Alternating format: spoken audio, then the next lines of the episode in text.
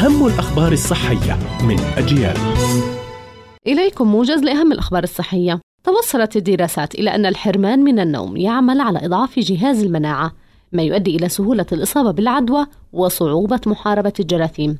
فيما بينت الدراسات إلى وجود ارتباط بين المدة التي يقضيها الفرد في النوم وبين زيادة الوزن إذ يشير الخبراء إلى أن الجسد المحروم من النوم تكون قدرته على التخلص من الوزن الزائد ضعيفة.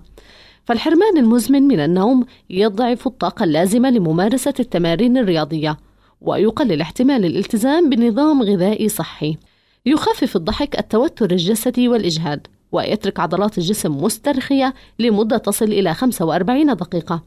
كما أن الضحك يقوي جهاز المناعة ويقلل هرمونات التوتر ويزيد الخلايا المناعية والأجسام المضادة لمكافحة العدوى بالتالي يحسن مقاومة الجسم للأمراض.